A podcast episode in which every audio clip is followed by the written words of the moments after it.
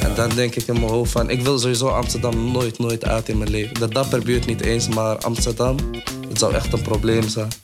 En wat betekent deze woning voor jou? Ja, ik, ik ben wel echt blij dat ik hem heb. En ik voel me ook echt super gelukkig en super rustig hier. Dit is Starten in Amsterdam, een podcast van Woonstichting Lieve de Kei.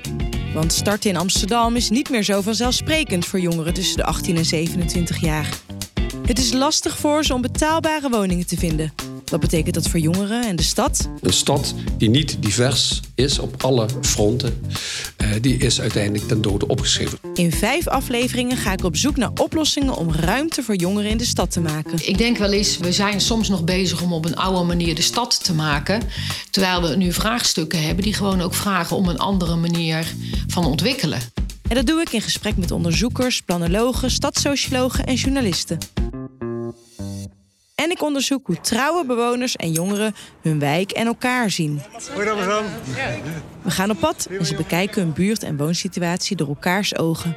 Ik voel nog altijd als thuiskomen. Zo, Het is net een dorp, je komt onder die spoordijk door en je bent thuis. Zo gaat dat. Keuze. Ik heb alles meegemaakt.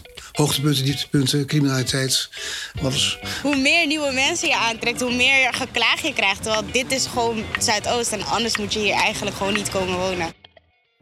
Nieuwsgierig geworden? Je vindt Starten in Amsterdam op dekei.nl, Spotify, Apple Podcast en alle andere plekken waar je podcast luistert.